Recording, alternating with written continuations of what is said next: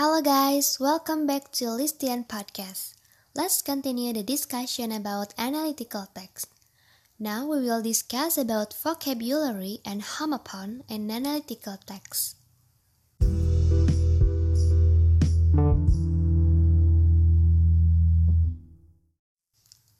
Vocabulary means a term for vocabulary in English. Learning vocabulary is an important part of enriching English vocabulary. Homophones mean different words that make the same sound. To avoid homophones, you need to enrich your vocabulary, pay attention to sentence context, spelling, and practice repetition. Please listen to the following analytical text carefully. Why English important? English is the most important language in the world today. Many people from different parts of the world have used English as a means of communication. As a means of communication, English is very useful. If we understand English, we can go and travel around the world and we will have no problem to communicate with other people. Using English, we will not find it hard to make people understand what we speak and wish. As a means of communication, English is really useful for students. If they understand English, they can learn many things through many different books which are written in English. English is one of the main media to access and spread knowledge to all the corners of the world.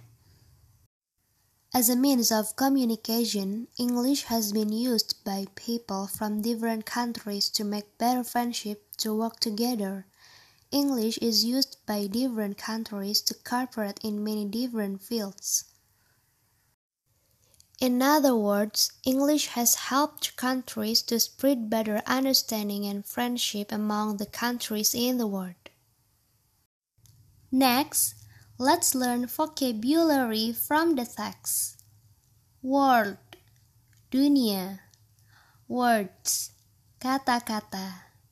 Around, mengelilingi. Find, menemukan. Important, penting. Knowledge, pengetahuan. Friendship, persahabatan. Fields, bidang learn, belajar, travel, bepergian.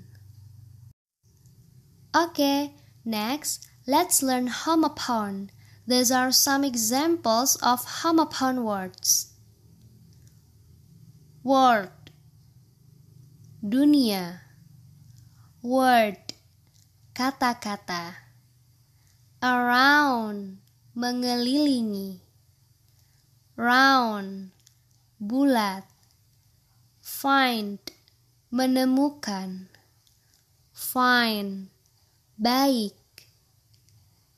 and, dan, and, selesai, to, untuk, to, terlalu. Okay guys, thank you for listening to this episode. Please continue to the next episode for the next material.